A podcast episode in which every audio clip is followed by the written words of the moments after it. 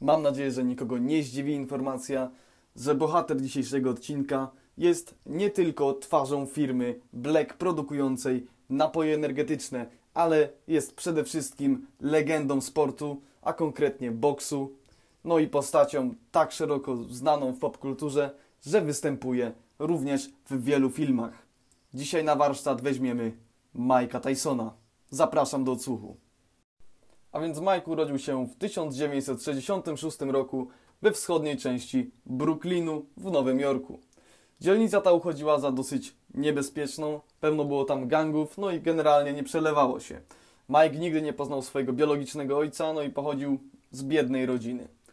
I już właśnie w dzieciństwie nadarzyły się pierwsze sytuacje, które miały ukształtować charakter tego fightera w przyszłości.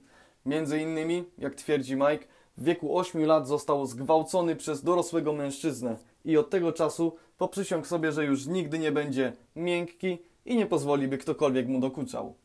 Gdy miał 10 lat, zaczął interesować się gołębiarstwem, co myślę, że całkiem jest ciekawym kontrastem, jeśli popatrzeć na to, jak po prostu obijał twarze swoich przeciwników, a z drugiej strony y, interesował się gołąbkami, tak? Ale ważnym jest to, że w wieku 10 lat jeden z dzieciaków zabił jednego z gołębi Tysona na jego oczach i wtedy właśnie Mike wdał się w swoją pierwszą w życiu bójkę. No i wygląda na to, że spodobało mu się takie awanturnicze życie, bo chwilę później dołączył do gangu i już w wieku zaledwie 12 lat został aresztowany i wysłany do zakładu poprawczego za kradzież torebki. I w tym właśnie zakładzie poprawczym został zauważony przez pewnego trenera, który polecił go yy, Kuzdamadowi. Przepraszam, ja yy, szczerze mówiąc nie jestem pewien yy, tego imienia, aczkolwiek trener ów był byłym trenerem Floyda Petersona, który był mistrzem świata wagi ciężkiej w boksie, więc można powiedzieć, że oprócz niesamowitego talentu Majka, dostał on też niesamowitego trenera.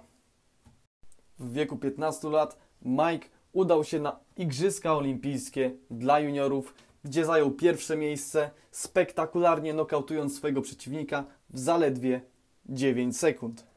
I co ciekawe, rok później Igrzyska odbyły się znowu, no i Mike oczywiście na nie pojechał i tym razem poprawił swój wynik, jednak nie pod względem miejsca, które zajął, ponieważ znowu po prostu zajął pierwsze miejsce, ale tym razem udało mu się znokautować rywala w zaledwie 8 sekund. Y, no i y, co do trenera, Kuz D'Amato, ponieważ już przypomniałem sobie jego imię, został on wtedy opiekunem prawnym Mike'a Tysona. Z tym, że niestety rok później zmarł na zapalenie płuc i z pewnością uderzyło to mocno w Mike'a Tysona, a jako amator Mike wygrał 24 walki i jedynie 3 przegrał. Jednak co konkretnie sprawiło, że Mike Tyson był taki skuteczny, ponieważ sam talent raczej nie wystarczył. Yy, jakby tym kluczem do skuteczności Mike'a Tysona była taktyka peekaboo pokazana mu przez jego trenera. Polegała ona na tym, że bokser zasłania sobie twarz za pomocą przedramion, a pięści trzyma na wysokości mniej więcej oczu bądź ust i jest to taktyka defensywna. W trakcie walki bokser po prostu buja się na boki całym swoim ciałem i wyczekuje momentu do odpowiedniego ataku. Y, Mike Tyson nie wyglądał jak typowy bokser wagi ciężkiej. Miał zaledwie 1,78 m wzrostu i ważył poniżej 100 kg, więc można powiedzieć, że jeżeli chodzi o gabaryty czy wymiary, zdecydowanie był tutaj underdogiem. Jednak nadrabiał niesamowitą eksplozywnością, agresją i szybkością swoich ciosów, przez co zyskał przydomek Iron Mike, czyli Żelazny Mike i Bestia. No i oczywiście oprócz takich taktyk liczy się też włożony wkład pracy i Mike trenował przez 7 dni w tygodniu od 5 rano do 20, więc można powiedzieć, że oprócz jedzenia i spania jedyne co robił to boksował. A więc taktyka peekaboo, niesamowity talent, świetny trener i po prostu długie godziny pracy stworzyły solidne podwaliny pod przyszłego mistrza, a więc Mike'a Tysona. Jednak na razie walczył on zaledwie jako amator. Jednak już w 1985 roku przyszedł czas, w którym Mike Tyson zaczął debiutować w zawodowym boksie. Yy, tutaj posłużę się notatkami, ponieważ spamiętanie wszystkich imion przeciwników będzie dość ciężkie. Yy, no i widzimy tutaj, że pierwszym przeciwnikiem Mike'a Tysona był Hector Mercedes, którego pokonał on w pierwszej rundzie przez knockout. I co ciekawe, z pierwsze 19 zawodowych walk Majka wygrał on przez właśnie knockout, z czego aż 12 w pierwszej rundzie. Następnego roku pokonał on ówczesnego mistrza świata wagi ciężkiej Trevora Berberika, no, również jak to Mike Tyson, przez knockout, z tym, że w drugiej rundzie. No i tym samym został najmłodszym mistrzem świata wszechwag w historii boksu. W wieku 20 lat Tyson pokonał mistrza federacji WBA Jamesa Smitha, a następnie mistrza federacji IBF Tonego Takera. No i po tych wydarzeniach został uznany za niekwestionowanego mistrza świata wagi ciężkiej w boksie przez trzy najważniejsze federacje bokserskie. Niestety długo to nie trwało, ponieważ stracił ten tytuł, przegrywając z lżejszym od siebie Jamesem Busterem Douglasem, który pokonał go technicznym nokautem w dziesiątej rundzie. I co ciekawe, była to pierwsza przegrana w karierze zawodowej Tysona. Po tej przegranej Mike wygrał jeszcze cztery walki, no ale nie był to raczej dla niego dobry okres, a ze względu na to, że w 1992 roku wylądował on w zakładzie karnym za gwałt na uczestniczce konkursu piękności. No i w trakcie tego pobytu w zakładzie karnym Mike niespecjalnie przykładał się do treningów, że tak powiem, olewał temat. No i po wyjściu z więzienia jego forma znacznie się pogorszyła. Y, walczył on w tamtym czasie, a raczej miał walczyć, y, z jednym z przeciwników, który chciał odebrać mu pas mistrza federacji WBI, jeżeli dobrze pamiętam.